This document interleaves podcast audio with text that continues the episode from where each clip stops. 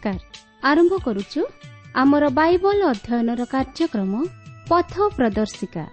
ପବିତ୍ର ବାଇବଲ କହେ ତୁମ୍ଭେ ସର୍ବାନ୍ତକରଣ ସହିତ ସଦାପ୍ରଭୁଙ୍କଠାରେ ବିଶ୍ୱାସ କର ଓ ନିଜ ସୁବିବେଚନାରେ ଆଉଜି ପଡ଼ ନାହିଁ। ଆପଣାର ସବୁ ଗତିରେ ତାହାଙ୍କୁ ସ୍ୱୀକାର କର। ତହିଁରେ ସେ ତୁମ୍ଭର ପଥ ସବୁ ସରଳ କରିବେ। ଆସନ୍ତୁ ସେହି ପଥ ପ୍ରଦର୍ଶକଙ୍କର ସନ୍ଧାନ ପାଇବା ନିମନ୍ତେ ଶୁଣିବା ବେତାର କାର୍ଯ୍ୟକ୍ରମ ପଥ ପ୍ରଦର୍ଶିକା।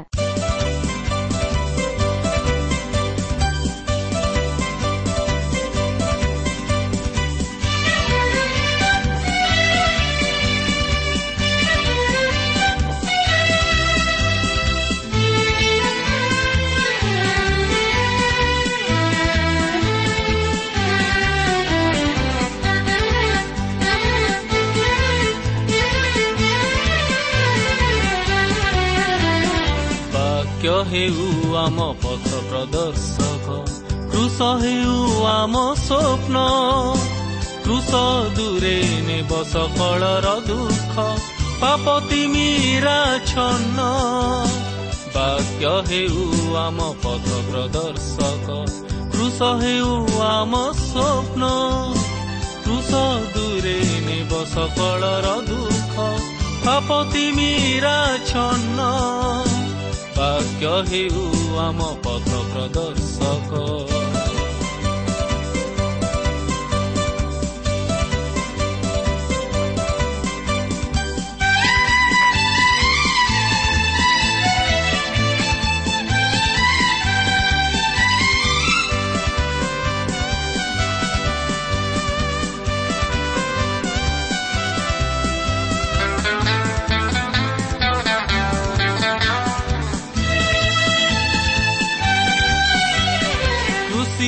ପ୍ରେମକୁ ନୀତି ସ୍ମରୁଥିଲେ ସେହି ଦେବ ମନେ ଶାନ୍ତି। କୃଷର ନାମକୁ ନୀତି ଘୋଷୁଥିଲେ ଲଭିବ ଜୀବନେ ମୁକ୍ତି। କୃଷିୟ ପ୍ରେମକୁ ନୀତି ସ୍ମରୁଥିଲେ ସେହି ଦେବ ମନେ ଶାନ୍ତି। କୃଷର ନାମକୁ ନୀତି ଘୋଷୁଥିଲେ ଲଭିବ ଜୀବନେ ମୁକ୍ତି। କୃଷ ହେଉ ପୁଣି ଆଶର ଆଲୋକ କୃଷ ହେଉ ପୁଣି ଆଶର ଆଲୋକ ଭାଙ୍ଗି ପାପ ଦୁଃଖ ବନ୍ଧନ। ବାକ୍ୟ ହେଉ ଆମ ପଥ ପ୍ରଦର୍ଶକ କୃଷ ହେଉ ଆମ ସ୍ୱପ୍ନ। କୃଷ ଦୂରେ ନେବ ସକଳର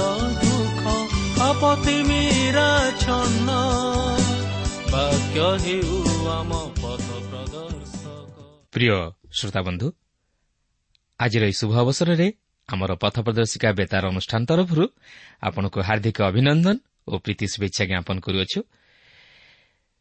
ଆଜି ଆପଣ ପ୍ରଭୁ ଯୀଶୁଙ୍କ ବିଷୟରେ ଜାଣିବା ନିମନ୍ତେ ରେଡିଓ ପାଖରେ ଅପେକ୍ଷା କରି ବସିଅଛନ୍ତି ବୋଲି ଜାଣି ଆମେ ବିଶେଷ ଖୁସି। ହଁ ଆପଣଙ୍କ ମନରେ ଅନେକ ପ୍ରଶ୍ନଭୀତ ଥାଇପାରେ ଯାହାର ଉତ୍ତର ଆପଣ ଏପର୍ଯ୍ୟନ୍ତ ପାଇପାରି ନାହାନ୍ତି। କିନ୍ତୁ ଆମର ବିଶ୍ୱାସ ଆପଣ ଯଦି ନିୟମିତ ଏହି କାର୍ଯ୍ୟକ୍ରମ ଶୁଣିବେ ତାହେଲେ ଆପଣ ଆତ୍ମିକ ଜୀବନରେ ଆଶୀର୍ବାଦ ପାଇବା ସଙ୍ଗେ ସଙ୍ଗେ ଆପଣଙ୍କର ପ୍ରଶ୍ନର ଉତ୍ତର ପାଇପାରିବେ ଏବଂ ଏକ ସମାଧାନରେ ଉପନୀତ ହୋଇପାରିବେ। କେବଳ ସେତିକି ନୁହେଁ ଜୀବନରେ ବାସ୍ତବ ଶାନ୍ତି ଓ ଆନନ୍ଦ ଉପଲବ୍ଧି କରିବେ। ସେହି ପରିତାଣର ଆନନ୍ଦକୁ ଉପଲବ୍ଧି କରିବେ। ଆମର ଅନୁରୋଧ ଆପଣ ନିଜେ ଏହି କାର୍ଯ୍ୟକ୍ରମ ଶୁଣିବା ସଙ୍ଗେ ସଙ୍ଗେ ଅନ୍ୟମାନଙ୍କୁ ଶୁଣାଇବାରେ ସାହାଯ୍ୟ କରନ୍ତୁ।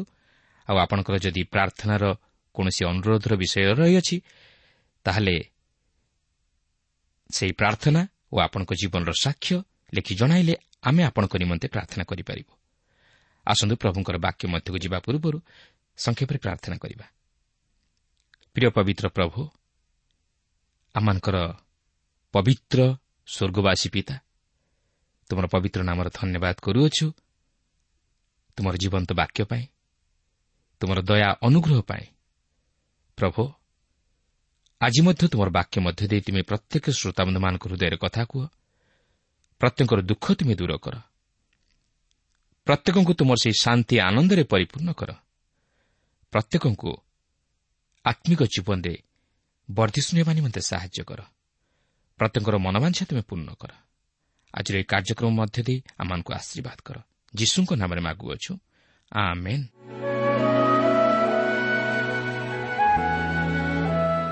ଆଜି ଆମେ ପ୍ରଥମ ବଂଶାବଳୀ ପୁସ୍ତକର ସତର ପର୍ବର ସାତ ପଦରୁ ଆରମ୍ଭ କରି କୋଡ଼ିଏ ପର୍ବ ପର୍ଯ୍ୟନ୍ତ ଅଧ୍ୟୟନ କରିବା ପାଇଁ ଯିବା।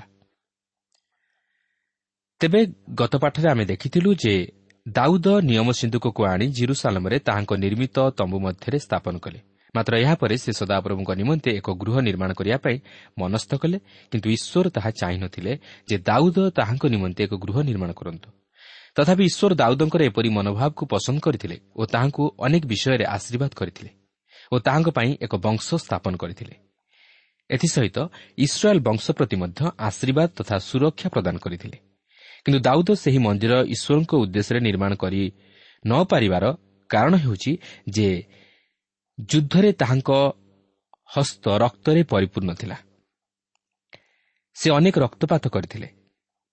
ତେଣୁ ଈଶ୍ୱର ଚାହିଁନଥିଲେ ଯେ ଦାଉଦ ତାହାଙ୍କ ନିମନ୍ତେ ଏକ ମନ୍ଦିର ନିର୍ମାଣ କରନ୍ତୁ। ମାତ୍ର ସେହି ମନ୍ଦିର ତାହାଙ୍କ ପୁତ୍ର ସଲମୋନ୍ ନିର୍ମାଣ କରିବେ ବୋଲି ସଦାପ୍ରଭୁ ନାଥନ ଭବିଷ୍ୟତ ବକ୍ତାଙ୍କ ଦ୍ୱାରା ଦାଉଦଙ୍କୁ ଜଣାଇ ଦେଇଥିଲେ। ତେବେ ଦେଖନ୍ତୁ ସତର ପର୍ବର ଏଗାର ପଦରୁ ପନ୍ଦର ପଦ ମଧ୍ୟରେ ଏହିପରି ଲେଖା ଅଛି। ପୁଣି ଆପଣା ପିତୃଲୋକଙ୍କ ନିକଟକୁ ତୁମ୍ଭର ଯିବାର ଦିନ ପୂର୍ଣ୍ଣ ହେଲେ ଆମ୍ଭେ ତୁମ୍ଭ ଉତ୍ତାରେ ତୁମ୍ଭ ପୁତ୍ରମାନଙ୍କ ମଧ୍ୟରୁ ତୁମ୍ଭ ବଂଶ ସ୍ଥାପନ କରିବା ଓ ଆମ୍ଭେ ତାହାର ରାଜ୍ୟ ସ୍ଥିର କରିବା।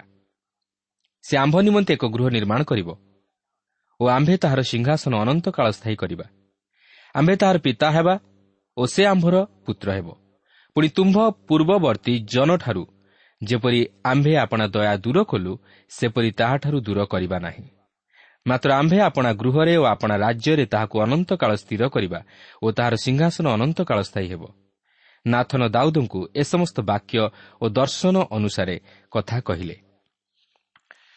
ଏଠାରେ ଆମେ ଦେଖୁଛୁ ଈଶ୍ୱର ଏକ ମହାନ ନିୟମ ଦାଉଦଙ୍କ ସହିତ କରୁଅଛନ୍ତି ଯାହାକି ପ୍ରଭୁ ଯୀଶୁଖ୍ରୀଷ୍ଟଙ୍କ ଜୀବନରେ ସଫଳ ହେଲା। ସଲମନ ଯଦିଓ ଈଶ୍ୱରଙ୍କ ଉଦ୍ଦେଶ୍ୟରେ ଗୃହ ନିର୍ମାଣ କଲେ ମାତ୍ର ଏହାର ବାସ୍ତବ ସଫଳତା ପ୍ରଭୁ ଯୀଶୁଖ୍ରୀଷ୍ଟଙ୍କ ଜୀବନରେ ହେବାକୁ ଥିଲା। ଈଶ୍ୱର କେବଳ ସେହି ସମୟ ନିମନ୍ତେ ନୁହେଁ ମାତ୍ର ଭବିଷ୍ୟତ ପ୍ରତି ଦୃଷ୍ଟି ରଖି ଏହିପରି କହନ୍ତି। ସେ କହିବାକୁ ଚାହାନ୍ତି ଯେ ସେ ଏହି ପୃଥିବୀ ଉପରେ ଏକ ରାଜ୍ୟ ସ୍ଥାପନ କରିବେ ଓ ପ୍ରଭୁ ଯୀଶୁଖ୍ରୀଷ୍ଟ ସେହି ରାଜ୍ୟକୁ ପ୍ରତିଷ୍ଠା କରିବାକୁ ଆସୁଅଛନ୍ତି। ତେବେ ଯଦିଓ ଆମେ ଏହି ସମସ୍ତ ବିଷୟ ଦ୍ୱିତୀୟ ସାମୁଏଲ୍ ସାତ ପର୍ବରେ ଅଧ୍ୟୟନ କରିସାରିଛୁ ମାତ୍ର ଈଶ୍ୱର ସେହି ସମସ୍ତ ବିଷୟ ଏଠାରେ ପୁନରାବୃତ୍ତି କରନ୍ତି କାରଣ ସେ ଏହାକୁ ଗୁରୁତ୍ୱପୂର୍ଣ୍ଣ ବୋଲି ବିଚାର କରନ୍ତି। କିନ୍ତୁ ଆମେ ସମ୍ପୂର୍ଣ୍ଣ ଏହି ସମସ୍ତ ବିଷୟ ଅଧ୍ୟୟନ କରିବାକୁ ଯିବା ନାହିଁ ମାତ୍ର କେତେକ ଗୁରୁତ୍ୱପୂର୍ଣ୍ଣ ବିଷୟ ପ୍ରତି ଟିକେ ଦୃଷ୍ଟି ଦେବା। ତେବେ ଲକ୍ଷ୍ୟ କରନ୍ତୁ ଦାଉଦ ନାଥନ ଭବିଷ୍ୟତ ବକ୍ତାଙ୍କ ମୁଖରୁ ସେହି ସମସ୍ତ ବାକ୍ୟ ଶୁଣିବା ପରେ ତାହାଙ୍କ ମନର ପ୍ରତିକ୍ରିୟା। ସତର ପର୍ବର ଷୋହଳ ଓ ସତର ପଦରେ ଏହିପରି ଲେଖା ଅଛି ଏଥିରେ ଦାଉଦ ରାଜା ଭିତରକୁ ଯାଇ ସଦାପ୍ରଭୁଙ୍କ ସମ୍ମୁଖରେ ବସିଲେ ଓ କହିଲେ ହେ ସଦାପ୍ରଭୁ ପରମେଶ୍ୱର ମୁଁ କିଏ ଓ ମୋର ବଂଶ ଅବା କି ଯେ ତୁମ୍ଭେ ମୋତେ ଏପର୍ଯ୍ୟନ୍ତ ଆଣିଅଛ? ତଥାପି ହେ ପରମେଶ୍ୱର ଏହା ତୁମ୍ଭ ଦୃଷ୍ଟିରେ କ୍ଷୁଦ୍ର ବିଷୟ ହେଲା। ଏତ ତୁମ୍ଭେ ଆପଣା ଦାସର ବଂଶ ବିଷୟରେ ଆଗତ ଦୀର୍ଘ କାଳର କଥା କହିଅଛ। ଆଉ ହେ ସଦାପ୍ରଭୁ ପରମେଶ୍ୱର ତୁମ୍ଭେ ମୋତେ ଉଚ୍ଚ ପଦସ୍ଥ ମନୁଷ୍ୟର ଶ୍ରେଣୀଭୁକ୍ତ ବୋଲି ଜ୍ଞାନ କରିଅଛ। ଦାଉଦ ଏଠାରେ ଈଶ୍ୱରଙ୍କର ତାହାଙ୍କ ପ୍ରତି ଓ ତାହାଙ୍କ ବଂଶ ପ୍ରତି ସମସ୍ତ ଉତ୍ତମତା ଦୟା ଓ ଅନୁଗ୍ରହକୁ ସ୍ମରଣ କରି ଆଶ୍ଚର୍ଯ୍ୟ ହୋଇଯାଉଛନ୍ତି ଓ ଈଶ୍ୱରଙ୍କୁ ଗୌରବ ଦେଇ ତାହାଙ୍କର ଇଚ୍ଛାକୁ ମାନି ନେଉଛନ୍ତି। କାରଣ ସତେଇଶ ପଦରେ ଲେଖା ଅଛି ତୁମ୍ଭ ଦାସର ବଂଶ ତୁମ୍ଭ ସମ୍ମୁଖରେ ଅନନ୍ତ କାଳ ସ୍ଥାୟୀ ହେବା ପାଇଁ ତୁମ୍ଭେ ଅନୁଗ୍ରହ କରି ତାହାକୁ ଆଶୀର୍ବାଦ କରିଅଛ। କାରଣ ହେ ସଦାପ୍ରଭୁ ତୁମ୍ଭେ ଆଶୀର୍ବାଦ କରିଅଛ ଏଣୁ ତାହା ଅନନ୍ତ କାଳ ଆଶୀର୍ବାଦ ଯୁକ୍ତ ଅଟେ। ଦାଉଦ ଏଠାରେ ସଦାପ୍ରଭୁଙ୍କର ବାକ୍ୟରେ ବିଶ୍ୱାସ କରି ତାହାଙ୍କର ପ୍ରତିଜ୍ଞା ଉପରେ ନିର୍ଭର କରି ରହିଲେ। ଅନେକ ସମୟରେ ଆମେ ଈଶ୍ୱରଙ୍କ ନିମନ୍ତେ ଅନେକ କିଛି ଉତ୍ତମ ବିଷୟ ସାଧନ କରିବା ନିମନ୍ତେ ଚେଷ୍ଟା କରୁ ମାତ୍ର ଈଶ୍ୱର ତାହାଙ୍କ ଇଚ୍ଛା ଅନୁଯାୟୀ ଆମ୍ଭମାନଙ୍କୁ ବ୍ୟବହାର କରିଥାନ୍ତି। ତେଣୁ ସଦାସର୍ବଦା ଈଶ୍ୱରଙ୍କ ଇଚ୍ଛା ଲୋଡ଼ି କାର୍ଯ୍ୟ କରିବା ଉଚିତ। ଓ ସମସ୍ତ ବିଷୟ ନିମନ୍ତେ ଈଶ୍ୱରଙ୍କୁ ଗୌରବ ଦେବା ଉଚିତ। ବର୍ତ୍ତମାନ ଆମେ ପ୍ରଥମ ବଂଶାବଳୀର ଅଠର ପର୍ବ ମଧ୍ୟକୁ ଯିବା। ଏହି ଅଠର ଉଣେଇଶ ପର୍ବରେ ଦାଉଦଙ୍କର ଯୁଦ୍ଧ ବିଷୟ ନେଇ ପ୍ରକାଶ କରାଯାଇଅଛି। ଯେହେତୁ ସେ ଯୁଦ୍ଧ ବୀର ଥିଲେ ଓ ସେ ଯୁଦ୍ଧ କରି ଅନେକ ଦେଶ ଜୟ କରିଥିଲେ। ଏଠାରେ ଆପଣଙ୍କ ମନରେ ପ୍ରଶ୍ନ ଆସିପାରେ ଯେ ଯେହେତୁ ଏହି ବଂଶାବଳୀ ଈଶ୍ୱରଙ୍କ ଦୃଷ୍ଟିକୋଣରୁ ନେଇ ଉପସ୍ଥାପିତ କରାଯାଇଅଛି ତାହେଲେ ଏଠାରେ ଯୁଦ୍ଧକୁ କେଉଁପରି ଭାବରେ ଯୋଗ କରାଯାଇପାରିବ? ଦେଖନ୍ତୁ ଜାକୁବ ଚାରି ପର୍ବର ପ୍ରଥମ ଦୁଇ ପଦରେ ଏହିପରି ଲେଖା ଅଛି ତୁମମାନଙ୍କ ମଧ୍ୟରେ ଯୁଦ୍ଧ ଓ ବିବାଦ କେଉଁଠାରୁ ହୁଏ? କ'ଣ ତୁମମାନଙ୍କ ଅଙ୍ଗ ପ୍ରତ୍ୟଙ୍ଗ ମଧ୍ୟରେ ଯୁଦ୍ଧ କରୁଥିବା ସୁଖାଭିଳାଷରୁ ନୁହେଁ? ତୁମେମାନେ କାମନା କରିଥାଅ କିନ୍ତୁ ପାଇନଥାଅ ତୁମେମାନେ ବଦ୍ଧ ଓ ଈର୍ଷା କରିଥାଅ କିନ୍ତୁ ପ୍ରାପ୍ତ ହେବାକୁ ଅକ୍ଷମ ହୋଇଥାଅ। ତୁମେମାନେ ବିବାଦ ଓ ଯୁଦ୍ଧ କରିଥାଅ ତୁମେମାନେ ପାଇନଥାଅ କାରଣ ତୁମେମାନେ ମାଗିନଥାଅ ତୁମେମାନେ ମାଗିଥାଅ କିନ୍ତୁ ପାଇନଥାଅ କାରଣ ଆପଣା ଆପଣା ସୁଖାଭିଳାଷରେ ବ୍ୟୟ କରିବା ନିମନ୍ତେ ମନ୍ଦ ଅଭିପ୍ରାୟରେ ମାଗିଥାଅ ଅନ୍ୟ ଅର୍ଥରେ କହିବାକୁ ଗଲେ ଯୁଦ୍ଧର ପୃଷ୍ଠଭୂମି ହେଉଛି ମନୁଷ୍ୟର ପାପପୂର୍ଣ୍ଣ ହୃଦୟ। ଯେପର୍ଯ୍ୟନ୍ତ ଏହି ପୃଥିବୀ ପୃଷ୍ଠରୁ ପାପ ତଥା ଦୁଷ୍ଟତା ଦୂର ହୋଇନାହିଁ ସେ ପର୍ଯ୍ୟନ୍ତ ଯୁଦ୍ଧର ବିଭୀଷିକା କେବେ ହେଲେ ନିର୍ବାପିତ ହେବ ନାହିଁ। କାରଣ ଯୁଦ୍ଧ କେବଳ ରୋଗର ଲକ୍ଷଣ ଭଳି ମାତ୍ର ରୋଗ ହେଉଛି ପାପ। ପାପ ହିଁ ହେଉଛି ସମସ୍ୟାର ମୂଳ କାରଣ। ଦାଉଦ ଇସ୍ରାଏଲ୍ର ଜଣେ ଉତ୍ତମ ରାଜା ଥିଲେ। ଓ ଈଶ୍ୱର ମଧ୍ୟ ତାହାଙ୍କୁ ଅନେକ ଆଶୀର୍ବାଦ କରିଥିଲେ। ଯାହାଫଳରେ ଶତ୍ରୁ ତାହାଙ୍କର ଚାରିଆଡ଼େ ଘେରି ରହିଥିଲେ। ତେଣୁ ଈଶ୍ୱର ଆମମାନଙ୍କୁ ଜଣାଇଦେବାକୁ ଚାହାନ୍ତି ଯେ ଏପରିକି ଦାଉଦଙ୍କ ରାଜ୍ୟ ଏକ ଜଗତରେ ଥିଲା ଯେଉଁଠାରେ କି ଯୁଦ୍ଧ ଲାଗି ରହିଥିଲା। ଯେହେତୁ ଆପଣ ଓ ମୁଁ ଆମେ ମଧ୍ୟ ସେହିପରି ଏକ ଜଗତରେ ଅଛୁ। ତେଣୁକରି ଆମମାନଙ୍କୁ ମଧ୍ୟ ସତର୍କ ହୋଇ ଚଳିବାକୁ ହେବ। ଏହି ଯୁଦ୍ଧ ରକ୍ତମାଂସର ଯୁଦ୍ଧ ହୋଇନପାରେ ମାତ୍ର ନିଶ୍ଚିତ ଭାବେ ଆତ୍ମିକ ଯୁଦ୍ଧ। କାରଣ ଏହି ଜଗତରେ ଯେଉଁ ସମସ୍ତ ଯୁଦ୍ଧ ବା ଅପରାଧ ଜନିତ ଘଟଣା ସବୁ ଘଟୁଅଛି ତାହା କେବଳ ମନୁଷ୍ୟ ହୃଦୟର ପାପର ପ୍ରତିଫଳ। ଆସନ୍ତୁ ବର୍ତ୍ତମାନ ଦାଉଦଙ୍କ ଯୁଦ୍ଧଗୁଡ଼ିକ ଉପରେ ଟିକେ ଲକ୍ଷ୍ୟ ଦେବା। ଏଠାରେ ଯେଉଁ ପଲିଷ୍ଟିୟ ଜାତି ବିଷୟ ନେଇ ଉଲ୍ଲେଖ ହୋଇଅଛି ସେମାନେ ଇସ୍ରାଏଲ୍ର ପ୍ରଧାନ ଶତ୍ରୁ ଥିଲେ ଓ ଚିରସ୍ଥାୟୀ ଶତ୍ରୁ ଥିଲେ ଓ ସଦାସର୍ବଦା ଆକ୍ରମଣ କରୁଥିଲେ ଯେତେବେଳେ ଇସ୍ରାଏଲ୍ ଜାତି ଦୁର୍ବଳ ହୋଇପଡ଼ୁଥିଲେ। ଅଠର ପର୍ବର ପ୍ରଥମ ଚାରିପଦରେ ଏହିପରି ଲେଖା ଅଛି ଅନନ୍ତର ଦାଉଦ ପଲେଷ୍ଟିୟମାନଙ୍କୁ ପରାସ୍ତ କରି ନତ କଲେ। ଆଉ ପଲେଷ୍ଟିୟମାନଙ୍କ ହସ୍ତରୁ ଗାଥ୍ ଓ ତହିଁର ଉପନଗର ସକଳ ହରଣ କଲେ। ତହିଁଉତାରେ ସେ ମୟାବୀୟମାନଙ୍କୁ ପରାସ୍ତ କଲେ। ତହିଁରେ ମୟାବୀୟମାନେ ଦାଉଦଙ୍କର ଦାସ ହୋଇ ଦର୍ଶନୀ ଆଣିଲେ। ଆହୁରି ସୋବାର ରାଜା ହଦରେଶ୍ୱରର ଫରାତ ନଦୀ ନିକଟରେ ଆପଣ ରାଜ୍ୟ ସ୍ଥାପନ କରିବାକୁ ଯିବା ସମୟରେ ଦାଉଦ ତାହାକୁ ହମାତ ପର୍ଯ୍ୟନ୍ତ ପରାସ୍ତ କଲେ। ପୁଣି ଦାଉଦ ତାହାଠାରୁ ଏକ ସହସ୍ର ରଥ ଓ ସାତ ସହସ୍ର ଅଶ୍ୱାରୂଢ଼ ଓ କୋଡ଼ିଏ ସହସ୍ର ପଦାତିକ ସୈନ୍ୟ ନେଲେ। ଆଉ ଦାଉଦ ରଥ ଅଶ୍ୱ ସମସ୍ତର ଗୋଡ଼ ଶିରା କାଟି ପକାଇଲେ। ମାତ୍ର ତହିଁ ମଧ୍ୟରୁ ଶହେ ରଥ ପାଇଁ ଅଶ୍ୱ ରଖିଲେ। ଦାଉଦ ଏହି ସମସ୍ତ ଇସ୍ରାଏଲ୍ର ଶତ୍ରୁମାନଙ୍କ ଉପରେ ଜୟୀ ହୋଇଥିଲେ ଯେଉଁମାନେ କି ସଦାସର୍ବଦା ଇସ୍ରାଏଲ୍ର ଦୁର୍ବଳତାକୁ ଦେଖି ଯୁଦ୍ଧ କରୁଥିଲେ। ଆପଣ ଦେଖନ୍ତୁ ସେହି ଇସ୍ରାଏଲ୍ ଦେଶର ରାଜା ହେବା ନିମନ୍ତେ ସେହି ଦେଶର ଶତ୍ରୁମାନଙ୍କୁ ବିତାଡ଼ିତ କରିବାକୁ ଥିଲା। ଠିକ୍ ସେହିପରି ବର୍ତ୍ତମାନର ଜଗତରେ ଈଶ୍ୱରଙ୍କ ସନ୍ତାନମାନଙ୍କର ମଧ୍ୟ ଶତ୍ରୁମାନେ ଅଛନ୍ତି। ଯେଉଁ ଶତ୍ରୁମାନେ ଈଶ୍ୱରଙ୍କ ସନ୍ତାନମାନଙ୍କୁ ଏହି ଜଗତରେ ଈଶ୍ୱରଙ୍କ ନିମନ୍ତେ ଏକ ବିଜୟୀ ଜୀବନ ଯାପନ କରିବାରେ ପ୍ରତିବାଧା ଦିଅନ୍ତି। ଏଫିସିଓ ଛଅ ପର୍ବର ଏଗାର ପଦରେ ଏହିପରି ଲେଖା ଅଛି ତୁମେମାନେ ଯେପରି ଶୟତାନର ସମସ୍ତ ଚାତୁରୀ ବିରୁଦ୍ଧରେ ଦଣ୍ଡାୟମାନ ହୋଇପାର ଏଥିନିମନ୍ତେ ଈଶ୍ୱର ଦତ୍ତ ସମସ୍ତ ସଜ୍ଜାରେ ଆପଣା ଆପଣାକୁ ସୁସଜ୍ଜିତ କର। ଆମ୍ଭମାନଙ୍କର ଶତ୍ରୁ ରକ୍ତ ମାଂସର ଶତ୍ରୁ ନୁହନ୍ତି ମାତ୍ର ଆମମାନଙ୍କର ଶତ୍ରୁ ଆତ୍ମିକ ଶତ୍ରୁ ଅଟନ୍ତି। ତାହା ହିଁ ପ୍ରେରିତ ପାଉଲ ଏଫିସିଓ ଛଅ ପର୍ବର ବାରପଦରେ ଜଣାନ୍ତି। ଦେଖନ୍ତୁ ଏହିପରି ଲେଖା ଅଛି। କାରଣ ଆମ୍ଭମାନଙ୍କ ଯୁଦ୍ଧ ମର୍ତ୍ତ୍ୟ ବିରୁଦ୍ଧରେ ନୁହେଁ କିନ୍ତୁ ଆଧିପତ୍ୟ ବିରୁଦ୍ଧରେ କର୍ତ୍ତାପଣ ବିରୁଦ୍ଧରେ ଏହି ଅନ୍ଧକାରର ଜଗତପତିମାନଙ୍କ ବିରୁଦ୍ଧରେ ପୁଣି ଆକାଶମଣ୍ଡଳର ଦୁଷ୍ଟାତ୍ମାମାନଙ୍କ ବିରୁଦ୍ଧରେ। ଏହା ହିଁ ହେଉଛି ଏହି ଜଗତର ପରିସ୍ଥିତି ଯାହାକି ଆପଣ ଓ ମୁଁ ଆମେ ଲକ୍ଷ୍ୟ କରିବାକୁ ପାରୁ। ସେଥିପାଇଁ ଆଜିର ଏହି ଜଗତ ଧ୍ୱଂସ ଆଡ଼କୁ ଗତି କରୁଅଛି। କିନ୍ତୁ ଏହାର ପଛରେ ଏକ ମହାଶକ୍ତି କାର୍ଯ୍ୟ କରୁଅଛି ତାହା ହେଉଛି ଶୟତାନ ଏହାକୁ ଚିହ୍ନିବା ବଡ଼ କଷ୍ଟକର ଏହା ସବୁଠାରୁ ମାରାତ୍ମକ ଏହି ଶୟତାନ ଅଦୃଶ୍ୟ ଭାବରେ ରହି ସମସ୍ତ କାର୍ଯ୍ୟ କରିଥାଏ ସେ ଅନେକ ଗୁଡ଼ିଏ ଶକ୍ତିଗୁଡ଼ିକୁ ନେଇ ତାହାର କାର୍ଯ୍ୟ କରିଥାଏ ସେ ରାଜନୈତିକ କ୍ଷେତ୍ରରେ ପ୍ରଶାସନିକ କ୍ଷେତ୍ରରେ ମାଣ୍ଡଳିକ ସ୍ତରରେ ପାରିବାରିକ ସ୍ତରରେ ଓ ବ୍ୟକ୍ତିଗତ ସ୍ତରରେ ମଧ୍ୟ ତାହାର କାର୍ଯ୍ୟ କରିଥାଏ ତେଣୁକରି ସେ ଏହିପରି ଭାବରେ ତାହାର ଆଧିପତ୍ୟ କର୍ତ୍ତାପଣ ବିସ୍ତାର କରି ଚାଲିଛି। ଲୋକମାନେ ତାହାକୁ ଜାଣିପାରନ୍ତିନି ତାହାକୁ ଦେଖିପାରନ୍ତିନି ତାହାକୁ ଚିହ୍ନି ପାରନ୍ତିନି ତାହାର କୌଶଳତାକୁ ଜାଣିପାରନ୍ତିନି। ତେଣୁକରି ଆମେ ଏହି ଆତ୍ମିକ ଶତ୍ରୁମାନଙ୍କ ଉପରେ ବିଶେଷ ଭାବେ ଜୟଯୁକ୍ତ ଜୀବନଯାପନ କରିବାକୁ ହେବ। କିନ୍ତୁ ଏହି ଶତ୍ରୁମାନଙ୍କୁ ଦମନ କରିବାକୁ ହେଲେ ଈଶ୍ୱର ଦତ୍ତ ସମସ୍ତ ଶଯ୍ୟା ପରିଧାନ କରିବାକୁ ହେବ। ଆଉ ସେହି ସମସ୍ତ ଶଯ୍ୟା ପାଉଲ ଏଫିସିଓ ଛଅ ପର୍ବର ତେର ପଦରୁ ଅଠର ପଦ ମଧ୍ୟରେ ପ୍ରକାଶ କରିଅଛନ୍ତି। ତେବେ ମୁଁ ସେହିସବୁକୁ ବର୍ତ୍ତମାନ ପାଠ କରିବାକୁ ଯାଉନାହିଁ ମାତ୍ର ଆପଣ ଆପଣଙ୍କର ବ୍ୟକ୍ତିଗତ ବାଇବଲ ଅଧ୍ୟୟନ ସମୟରେ ପାଠ କରିନେବେ। ମନେ ରଖିବେ ଶାସ୍ତ୍ରାଂଶଟି ହେଉଛି ନୂତନ ନିୟମର ଏଫିସିଓ ପୁସ୍ତକ ଛଅ ପର୍ବର ତେର ପଦରୁ ଅଠର ପଦ। ଆସନ୍ତୁ ଏହାପରେ ଉଣେଇଶ ପର୍ବ ମଧ୍ୟକୁ ଯିବା। ଏହି ପର୍ବରେ ଦାଉଦଙ୍କ ସହିତ ଅମନୀୟ ଓ ଅରାମୀୟମାନଙ୍କର ଯୁଦ୍ଧ ଘଟିବାର ଆମେ ଲକ୍ଷ୍ୟ କରିବାକୁ ପାରିବା। ଦେଖନ୍ତୁ ଉଣେଇଶ ପର୍ବର ପ୍ରଥମ ଚାରିପଦରେ ଏହିପରି ଲେଖା ଅଛି। ଏଥିଉତାରେ ଅମନ ସନ୍ତାନଗଣର ରାଜା ନାହସ୍ ମରନ୍ତେ ତାହାର ପୁତ୍ର ତାହାର ପଦରେ ରାଜା ହେଲା। ଥରେ ଦାଉଦ କହିଲେ ମୁଁ ନାହସ୍ର ପୁତ୍ର ହାନୁନ୍ ପ୍ରତି ଦୟା ପ୍ରକାଶ କରିବି କାରଣ ତାହାର ପିତା ମୋ ପ୍ରତି ଦୟା ପ୍ରକାଶ କରିଥିଲା। ତେଣୁ ଦାଉଦ ତାହାକୁ ପିତୃଶୋକରୁ ସାନ୍ତ୍ୱନା କରିବା ନିମନ୍ତେ ଦୂତମାନଙ୍କୁ ପଠାଇଲେ। ତହୁ ଦାଉଦଙ୍କର ଦାସମାନେ ହାନୁନ୍କୁ ସାନ୍ତ୍ୱନା କରିବା ନିମନ୍ତେ ଅମନ ସନ୍ତାନଗଣର ଦେଶରେ ତାହା ନିକଟରେ ଉପସ୍ଥିତ ହେଲେ। ମାତ୍ର ଅମନ ସନ୍ତାନଗଣର ଅଧିପତିମାନେ ହାନୁନ୍କୁ କହିଲେ ଦାଉଦ ଆପଣଙ୍କ ନିକଟକୁ ସାନ୍ତ୍ୱନାକାରୀମାନଙ୍କୁ ପଠାଇଅଛି ବୋଲି ସେ ଯେ ଆପଣଙ୍କ ପିତାର ସମ୍ଭ୍ରମ କରୁଅଛି ଏହା କ'ଣ ଆପଣ ବିଚାର କରନ୍ତି?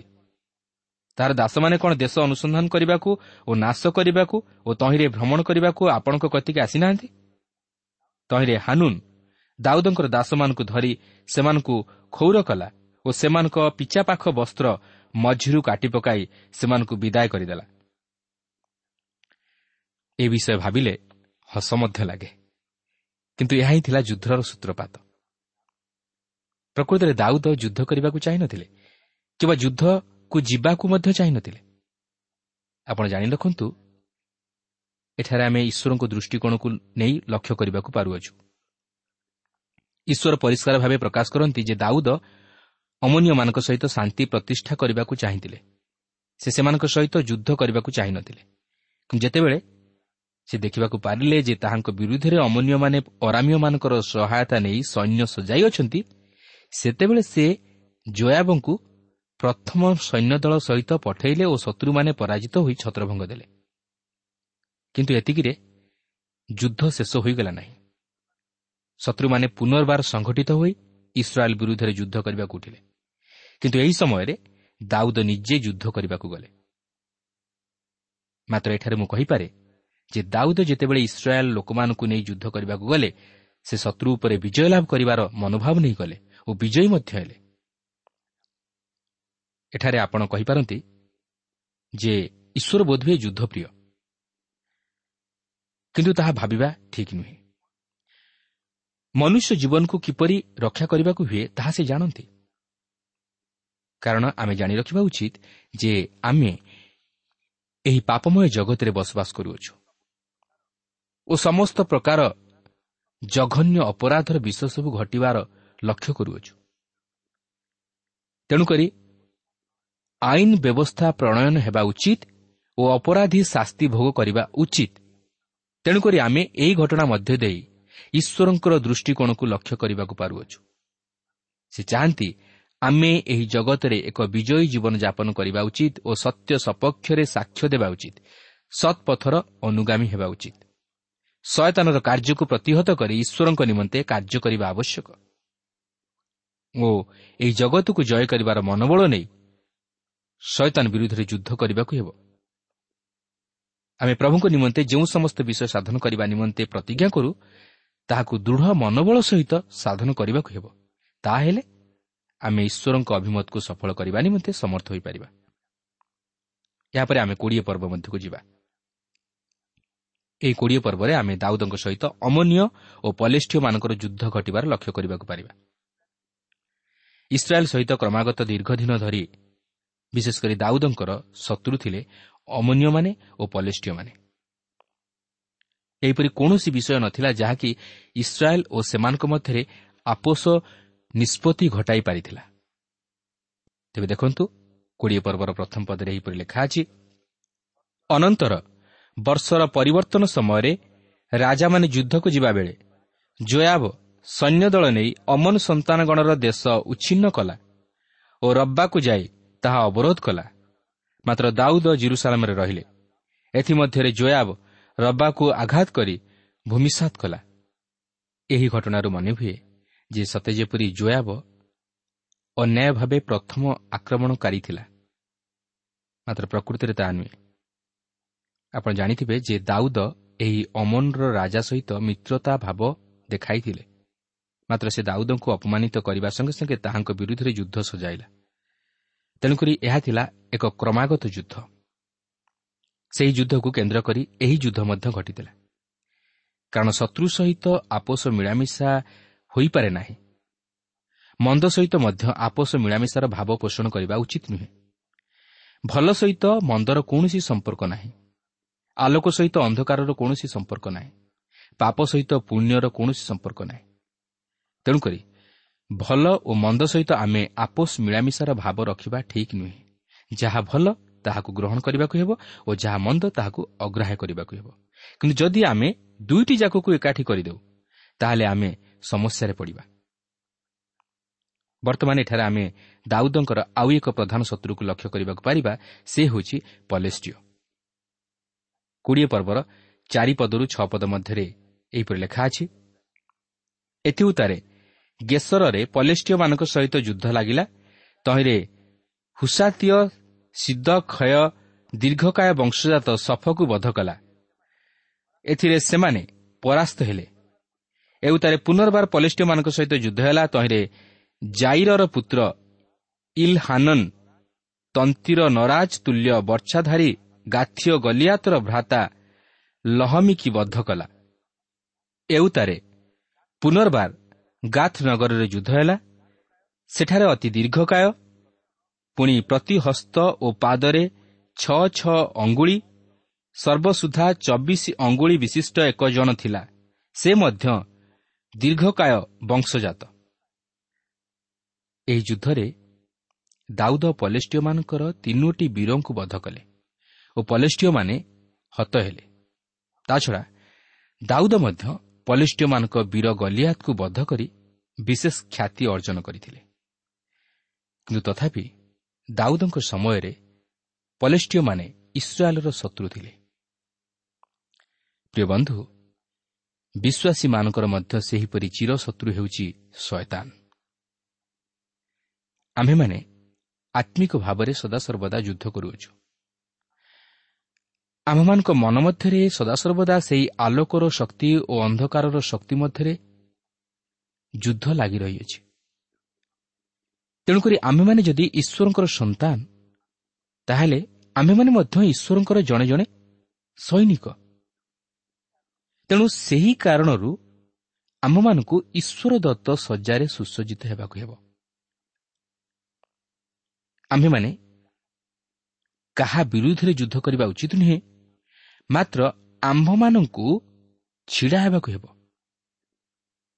ଯଦି ଆପଣ ଈଶ୍ୱରଙ୍କ ବିଷୟରେ ଛିଡ଼ା ହୋଇଛନ୍ତି ତାହେଲେ ଆପଣ ଯୁଦ୍ଧ କ୍ଷେତ୍ରରେ ଅଛନ୍ତି। ତେଣୁକରି ଆମ୍ଭମାନଙ୍କୁ ସତ୍ୟ ସପକ୍ଷରେ ଛିଡ଼ା ହେବାକୁ ହେବ ଓ ଈଶ୍ୱରଙ୍କର ଅଭିମତକୁ ସଫଳ କରିବାକୁ ହେବ। କାରଣ ବର୍ତ୍ତମାନର ଏହି ଜଗତ ମଧ୍ୟରେ ଯଦି ଆମେ ସତ୍ୟ ସପକ୍ଷରେ ଛିଡ଼ା ହେବା ପାଇଁ ଚାହୁଁ ତାହେଲେ ଆମମାନଙ୍କୁ ଅନେକ ସ୍ୱାର୍ଥ ତ୍ୟାଗ କରିବାକୁ ହେବ। ଅନେକ କଷ୍ଟ ସହ୍ୟ କରିବାକୁ ହେବ। ଅନେକ ଦୁଃଖ ମଧ୍ୟ ସହ୍ୟ କରିବାକୁ ହେବ। ଅନେକ ସମସ୍ୟାର ମଧ୍ୟ ସମ୍ମୁଖୀନ ହେବାକୁ ହେବ। ଅନେକ ବିପଦର ମଧ୍ୟ ସମ୍ମୁଖୀନ ହେବାକୁ ହେବ। ଏହା ଅତି ସହଜ ନୁହେଁ। ଏହା ଅତି କଷ୍ଟକର। ସତ୍ୟ ସପକ୍ଷରେ ଛିଡ଼ା ହେବା ମାନେ ଈଶ୍ୱରଙ୍କର ସପକ୍ଷରେ ଛିଡ଼ା ହେବା। ଏବଂ ଈଶ୍ୱରଙ୍କ ସପକ୍ଷରେ ଛିଡ଼ା ହେବା ମାନେ ଶୈତାନର ବିରୁଦ୍ଧରେ ଛିଡ଼ା ହେବା। କିନ୍ତୁ ଶୈତାନକୁ ଜୟ କରିବା ଶକ୍ତି ଆମମାନଙ୍କର ନାହିଁ ଏହି ଶୈତାନକୁ ଜୟ କରିବାକୁ ହେଲେ ଆମମାନଙ୍କୁ ଏକ ଅଲୌକିକ ଶକ୍ତିର ଆବଶ୍ୟକ ଆଉ ସେହି ଶକ୍ତି ହେଉଛନ୍ତି ପ୍ରଭୁ ଯୀଶୁଖ୍ରୀଷ୍ଟ ଯିଏକି ଆମମାନଙ୍କୁ ଶକ୍ତି ଦିଅନ୍ତି ସେ ସେହି ପବିତ୍ର ଆତ୍ମାଙ୍କ ମଧ୍ୟ ଦେଇ ଆମମାନଙ୍କ ସହିତ କଥା କୁହନ୍ତି ଏବଂ ଆମମାନଙ୍କୁ ସେ ଚାଳନା ଦିଅନ୍ତି ଈଶ୍ୱର ମଧ୍ୟ ଆମମାନଙ୍କୁ ଶକ୍ତି ଦିଅନ୍ତି ତେଣୁ ଯଦି ଆମେ ଈଶ୍ୱରଙ୍କ ଶକ୍ତିରେ ଶକ୍ତିଯୁକ୍ତ ହେବା ଈଶ୍ୱରଙ୍କର ବାକ୍ୟକୁ ନିଜ ହୃଦୟ ମଧ୍ୟରେ ଗ୍ରହଣ କରିବା ବିଶ୍ୱାସରେ ସ୍ଥିର ରହିବା ତାହେଲେ ଆମେ ନିଶ୍ଚିତ ଭାବରେ ଶୟତାନକୁ ଜୟ କରିପାରିବା ଶୟତାନର ଶକ୍ତି ଉପରେ ବିଜୟ ଲାଭ କରିପାରିବା କିନ୍ତୁ ନିଜ ଶକ୍ତିରେ ନୁହେଁ ନିଜର ସାମର୍ଥ୍ୟରେ ନୁହେଁ ନିଜର ବୁଦ୍ଧିରେ ନୁହେଁ ନିଜର କଳ୍ପନାରେ ନୁହେଁ କି ନିଜର ଜ୍ଞାନରେ ନୁହେଁ ସେଥିପାଇଁ ପ୍ରଥମ ପିତର ପାଞ୍ଚ ପର୍ବର ଆଠ ନଅ ପଦରେ ଏହିପରି ଲେଖା ଅଛି ସଚେତନ ହୋଇ ଜାଗ୍ରତ ରୁହ। ତୁମମାନଙ୍କ ବିପକ୍ଷ ଶୟତାନ ସିଂହ ପ୍ରାୟ ଗର୍ଜନ କରି କାହାକୁ ଗ୍ରାସିବ ଏହା ଖୋଜି ବୁଲୁଅଛି। ବିଶ୍ୱାସରେ ସ୍ଥିର ରହି ତାହାର ପ୍ରତିରୋଧ କର। ପୁଣି ଏହା ଜାଣ ଯେ ଜଗତରେ ଥିବା ତୁମମାନଙ୍କ ଭାଇମାନଙ୍କ ପ୍ରତି ଏହି ପ୍ରକାର ଦୁଃଖ ଭୋଗ ଘଟୁଅଛି। ତେଣୁ ପ୍ରିୟ ବନ୍ଧୁ ପ୍ରଭୁ ଚାହାନ୍ତି ଯେପରି ଆମମାନେ ବିଶ୍ୱାସରେ ସ୍ଥିର ରହି ଶୟତାନର ପ୍ରତିରୋଧ କରୁ। କାରଣ ଯଦି ଆମେ ପ୍ରଭୁଙ୍କଠାରେ ବିଶ୍ୱାସରେ ସ୍ଥିର ନ ରହିବା ତାହେଲେ ଆମେ କେବେ ହେଲେ ଶୈତାନର ପ୍ରତିରୋଧ କରିପାରିବା ନାହିଁ। ଶୈତାନ ଅତି ଚାଲାକ ଆଉ ସେ ଅତି ବଳବାନ। ଆଉ ତାହାର ଚାତୁରୀକୁ ଜାଣିବା ନିମନ୍ତେ ଆମମାନଙ୍କୁ ଜ୍ଞାନର ଆବଶ୍ୟକ। ଆଉ ସେହି ଜ୍ଞାନ କେବଳ ପ୍ରଭୁ ଆମମାନଙ୍କୁ ଦେବେ। ତାଙ୍କର ବାକ୍ୟ ମଧ୍ୟ ଦେଇ ସେ ଆମମାନଙ୍କୁ ସମସ୍ତ ବିଷୟ ଜଣାଇବେ। ସମସ୍ତ ବିଷୟରେ ସେ ଆମମାନଙ୍କୁ ଶିକ୍ଷା ଦେବେ। ତେଣୁ ଆସୁ ସୁଯୋଗର ସଦ୍ବ୍ୟବହାର କରି ପ୍ରଭୁଙ୍କର ବାକ୍ୟରେ ମନୋନିବେଶ କରୁ ପ୍ରଭୁଙ୍କର ବାକ୍ୟକୁ ନିଜ ଜୀବନରେ ପ୍ରଧାନ ସ୍ଥାନ ଦେଉ। ତାହେଲେ ଆମେ ଈଶ୍ୱରଙ୍କର ଅଭିମତକୁ ସଫଳ କରିପାରିବା। ପ୍ରଭୁ ପ୍ରତ୍ୟେକଙ୍କୁ ଏହି ସଂକ୍ଷିପ୍ତ ଆଲୋଚନା ମଧ୍ୟ ଦେଇ ଆଶୀର୍ବାଦ କରନ୍ତୁ। ବାକ୍ୟ ହେଉ ଆମ ପଥ ପ୍ରଦର୍ଶକ କୃଷ ହେଉ ଆମ ସ୍ୱପ୍ନ କୃଷ ଦୂରେ ନେବ ସଫଳର ଦୁଃଖ ଆପତି ମୀରା ଛନ୍ନ। ପ୍ରିୟ ଶ୍ରୋତା ଆମର କାର୍ଯ୍ୟକ୍ରମ ନିୟମିତ ଶୁଣୁଥିବାରୁ ଅଶେଷ ଧନ୍ୟବାଦ। ଆପଣ ଏହି କାର୍ଯ୍ୟକ୍ରମ ଶୁଣିବା ଦ୍ୱାରା ଆତ୍ମିକ ଜୀବନରେ ଉପକୃତ ହୋଇପାରିଥିବେ ବୋଲି ଆମର ବିଶ୍ୱାସ ପ୍ରଭୁ ଯୀଶୁଙ୍କ ବିଷୟରେ ଅଧିକ ଜାଣିବାର ଆଗ୍ରହ ଥିଲେ ଅଥବା ଉପାଦେୟ ପୁସ୍ତକର ଆବଶ୍ୟକ ଥିଲେ ଆମ ସହ ଯୋଗାଯୋଗ କରନ୍ତୁ ଆମର ଠିକଣା ପଥ ପ୍ରଦର୍ଶିକା Trans World Radio India post box number ତିନି ତିନି ଭୁବନେଶ୍ୱର ସାତ ପାଞ୍ଚ ଏକ ଶୂନ ଶୂନ ଏକ mobile number nine seven double seven double two one four one five ଠିକଣାଟି ଆଉଥରେ ଶୁଣନ୍ତୁ পথ প্রদর্শিকা trans world radio India post box number three three Bhubaneswar seven five one zero zero one mobile number nine seven double seven double two one four one five আমার email আড্রেসটি লিখে রাখন্তু Odia TV আট radio eight eight two dot com তেবে আজ বিদায় দিন্তু নমস্কার ନମସ୍କାର ନେବ ହୃଦୟରୁ ପାପ ଦାଗ ସବୁ ନାଶି କୃଷ ହେଉ ଆମ ପଥର ପ୍ରଦୀପ କୃଷ ହେଉ ଆମ ପଥର ପ୍ରଦୀପ ହୋଇବୁ ତାହାରି ସନ୍ତାନ ବାକ୍ୟ ହେଉ ଆମ ପଥ ପ୍ରଦର୍ଶକ କୃଷ ହେଉ ଆମ ସ୍ୱପ୍ନ କୃଷ ଦୂରେ ନେବ ସଫଳର ଦୁଃଖ ଆପତି ମୀରା ଛନ୍ନ ବାକ୍ୟ ହେଉ ଆମ ପଥ ପ୍ରଦର୍ଶକ